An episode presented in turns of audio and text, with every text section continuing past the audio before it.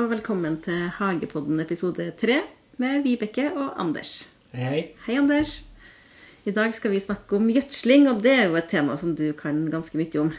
Eh, ja, kan og kan. Jeg har jo lært meg litt mer etter hvert, da. Eh, det er et ganske komplisert eh, tema, ganske teknisk tema som kan være litt sånn eh, kjedelig, men eh, det er ganske viktig. Eh, for at du skal få ting til å trives, så er det ganske viktig å kan litt om gjødsling. For det er vel sånn at Hvis du skal ha god vekst i en hage, så må du også ha litt gjødsel. Ja, du må det. Men det kan også gjødsles for mye, så det er liksom en sånn avveiing om hvordan hvilke plantene trenger, og hva de ikke trenger. Og da er det ganske en fordel å vite hva de ville vekstene For da, som regel i hagen så har du jo en slektning som er vill. Mhm. Eller det kan også være en, en vill plante som har blitt en hageplante. Som vokser vill i en annen del av eh, jordkloden. For i en hage så er det nesten som en Noas ark med planter fra hele verden. Da har du folk fra Japan Nei, eller folk, sier. Planter fra Japan og, og Kina og Nord-Amerika og, og Europa. Og, Mhm.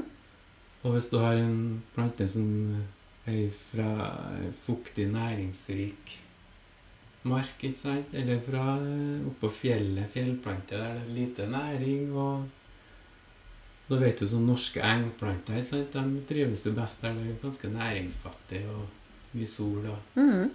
så det er litt forskjellig. Men det er vel sånn at det finnes to typer gjødsel. Det finnes mange typer. Ja, det finnes mange typer, men hvis vi kan dele inn i to i forhold til naturgjødsel og kunstgjødsel Ja, hvis vi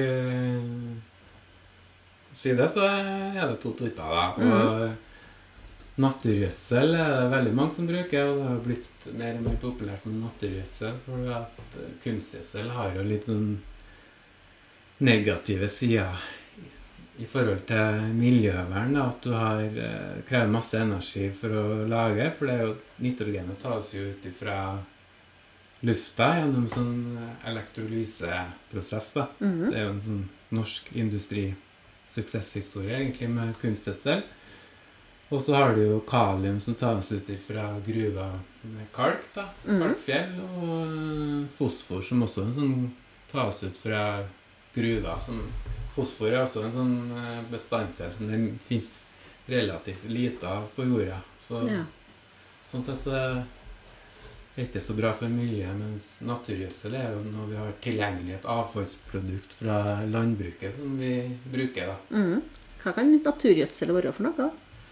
Det er jo litt forskjellig. Det er jo fra hønsegjødsel som er mest vanlig, kanskje, og så kugjødsel eller kukompost. Som du kan også bruke gjødsel fra fleste plantespisende dyr, da. Ja. Om det er hest, eller om det er kanin, eller hva det er for noe.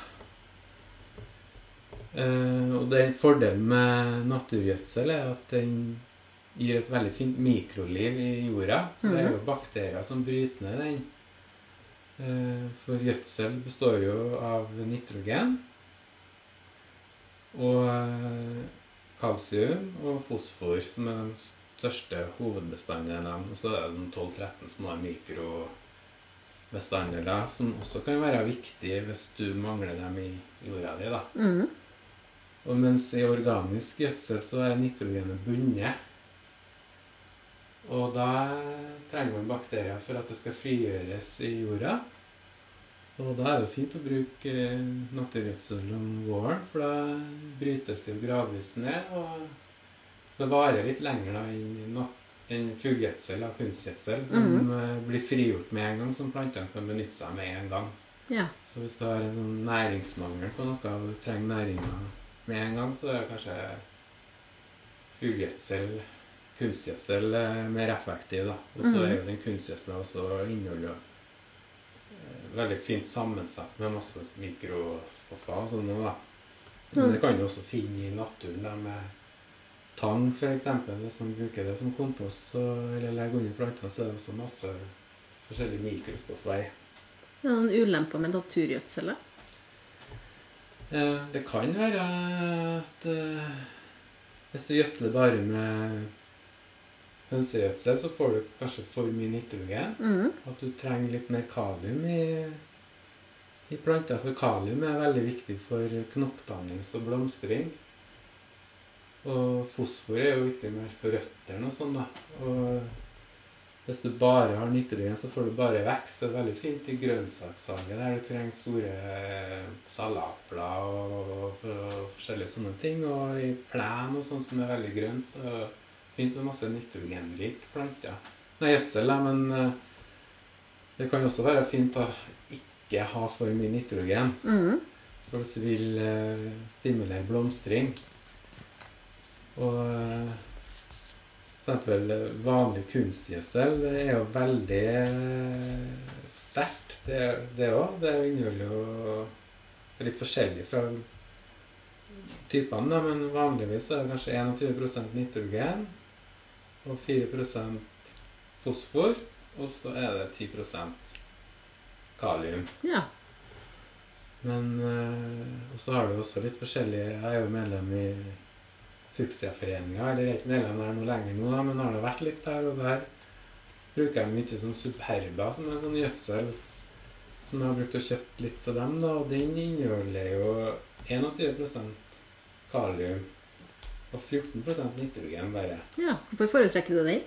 Så den eh, er jo veldig bra for knoppdannelse og blomstring. Så hvis du har masse sommerblomster som du vil skal blomstre masse, og det sies også frukttrær og tomater vil jo ha masse kalium som får sånn tomatgjødsel. Det er mye kalium i. For du kan få sånne sykdomsproblemer og sånn eh, tomatråte og litt forskjellig hvis ikke du har riktig bestandsdel. da. Mm. Så det, derfor har jeg liksom lært meg litt mer om gjødsling etter hvert. Mm. Men i de første årene så brukte jeg jo bare å hive litt sånn ut på våren, og det gikk jo som regel bra. Men eh, noen ganger så kan du få plager, og da kan du tenke på at kanskje det er gjødslinga som er problemet. Og i fjor så hadde jeg et sitrustre uh, som jeg så var litt gul i bladet, så tenkte jeg ok, kanskje det er litt kaldt, det for det kan jo også bli litt gult. Men det har jo stått i potter i mange år Mm. kanskje seks-sju år, så det har ikke blitt potta om noe. Tenkte jeg, Men jeg har jo samtidig gjødsla det ganske mye. Så tenkte jeg at det kan jo ikke være noe mangel på nitrogen heller. Så tenkte jeg ok, jeg skal kjøpe sitrusgjødsel. og så gjødsla jeg med det, og da fikk det umiddelbar effekt. Og du så at det ble bedre. Ja. Og det er jo fordi at det er mye sånne sporstoffer som er i sitrusgjødsel, som du ikke finner får i hønsegjødsel. Mm. Og det, det skjønte jeg litt, egentlig. For at eh, når du får uh, sitrontrær, så ser du at de er litt sånn spesiell jord, som er litt sånn leiraktig. Mm. Det er sånn leirjord som vi har ganske mye av i Trøndelag, og så er det veldig mye forskjellige sporstoffer i.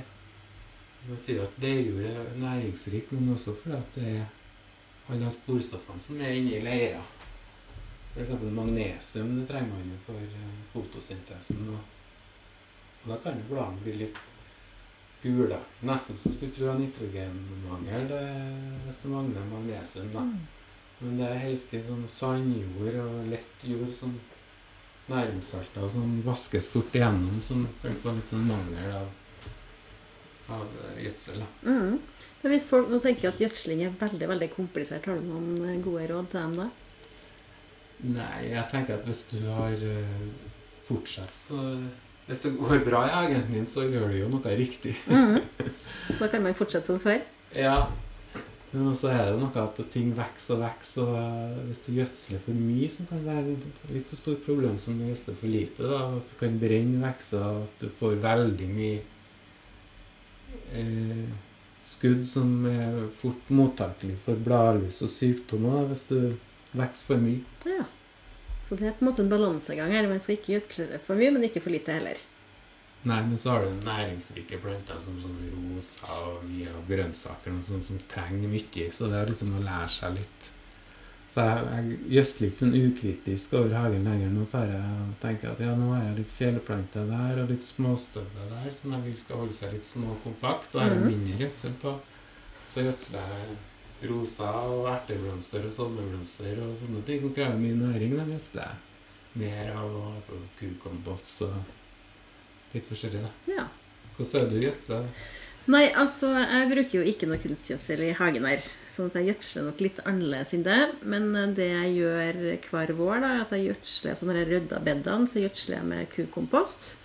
Og det gjør jeg i alle bed og i kjøkkenhagen.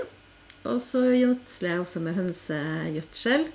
Og det gjør jo jeg stort sett når det regner litt. Og det handler jo litt om å skåne naboene for den lukta som er at da forsvinner den litt, litt fortere. Da planlegger den gjødslinga.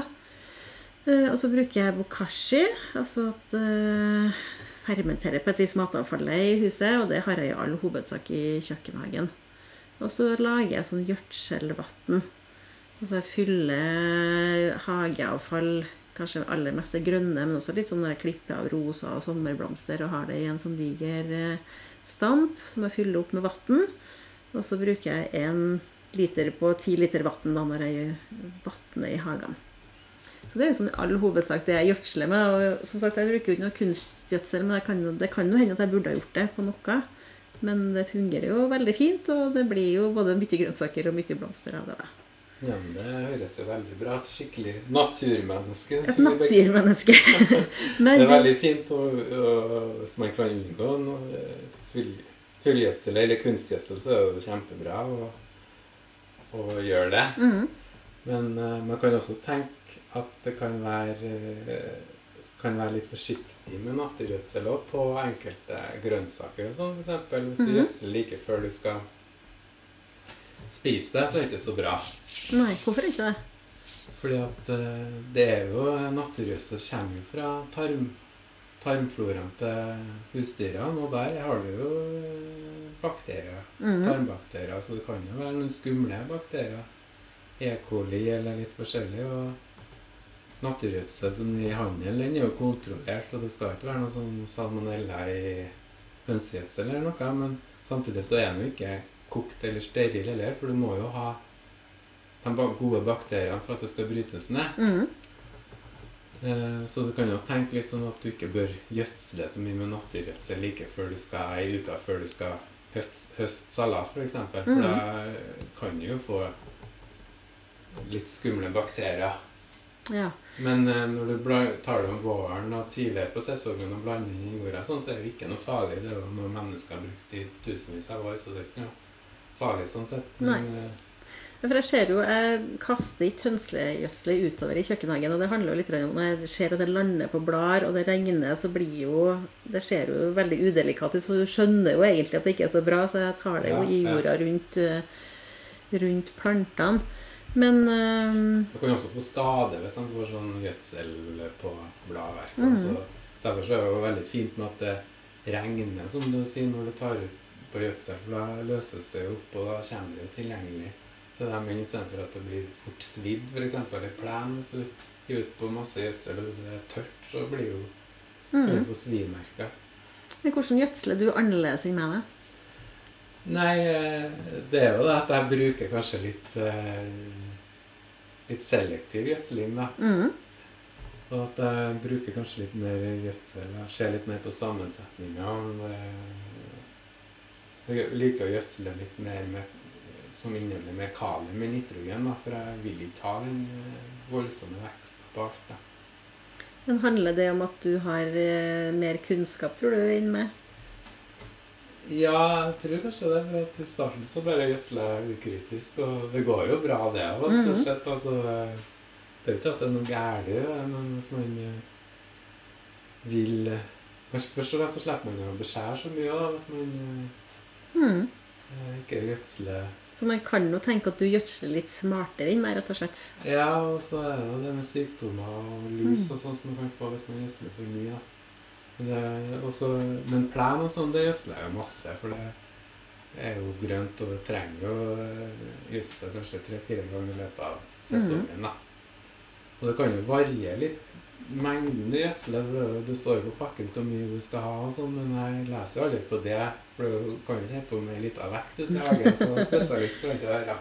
Så jeg tar jo bare en neve og kaster utover som to kvadratmeter. Så kan jeg ta liksom en større neve på de næringskrevende mm -hmm. plantene. da, og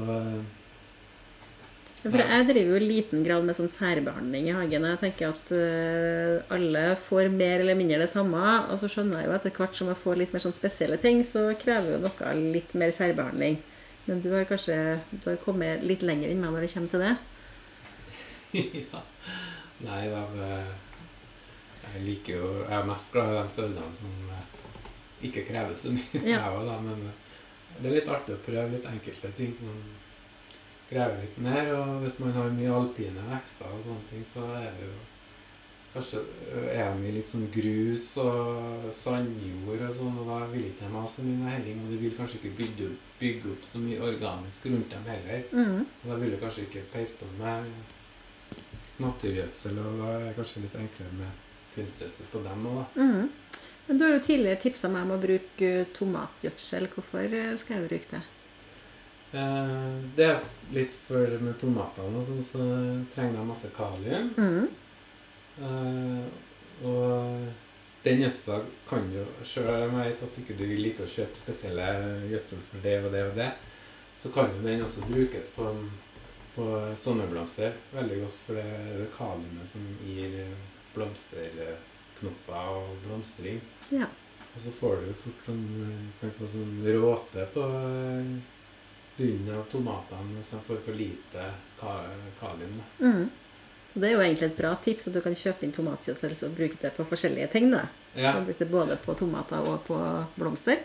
for jeg vet om noen som er sånn motstander av å kjøpe egen gjødsel for rhododendron og egen for sitrus og egen Altså, Du trenger ikke å gjøre det, men jeg, klarer, jeg klarer i hvert fall ikke å holde på med det, men det kan jo godt hende at jeg kommer dit etter hvert. da. Men eh, som foreløpig så får de i all hovedsak det samme, da. det går jo an å ta jordprøve fra hagen sin hvis man vil være enda mer spesialist. Da, så Mm. får du jo litt sånn sammensetning hva inneholder jorda di. mm. Og er det masse Hva er pH-en, og hva er næringa, mikrostoffene og sånn i jorda di? Mm. Jeg har ikke prøvd det, da. Nei, det har ikke jeg gjort heller, faktisk. Jeg må, jeg må bare si at jeg, jeg, så for jeg har jo en prøve- og feilehage i større grad enn deg, så jeg har jo prøver og feila mye. Men akkurat når det kommer til gjødsling, så tror jeg i all hovedsak har gått ganske bra. Og så har jeg nok eh, gjødsla mer og mer i løpet av årene, spesielt i kjøkkenhagen. Jeg har skjønt at de trenger mye, mye gjødsel for, bli, for at det skal bli bra, da. Mm. Så bruker jeg litt sånn gressklipp sånn eh, til å gjødsle kjøkkenhagen og legge under. Ja, det gjør jeg òg. For det gir jo veldig mye nitrogen, og samtidig som det holder ugresset og fuktighet. Mm. Det er et veldig bra tips. Det gjør jo jeg under også hekk, da. Mm, Også for å holde ugresset unna, men eh, det blir jo også kvitt litt hageavfall på den måten. da.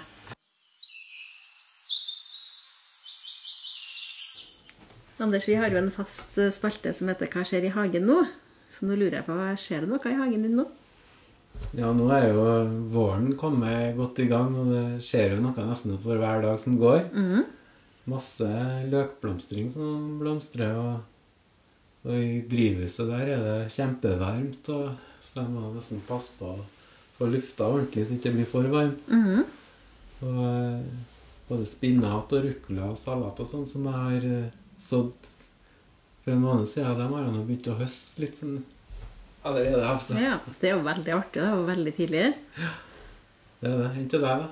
Nei, jeg har eh, jo planta dahlia, og de står jo fortsatt eh, inni på stue, eller på ei sånn kald stue jeg har, og de har jo begynt å spire, så det er jo veldig artig. Men du har jo gitt meg et tips der om at jeg bør klippe dem ned. Ja, for at jeg bør klippe dem når de har kommet opp spirene, for da blir de tettere og får mer stengler og litt Mhm. mer blomstring. Så det tipset har jeg jo tenkt å følge.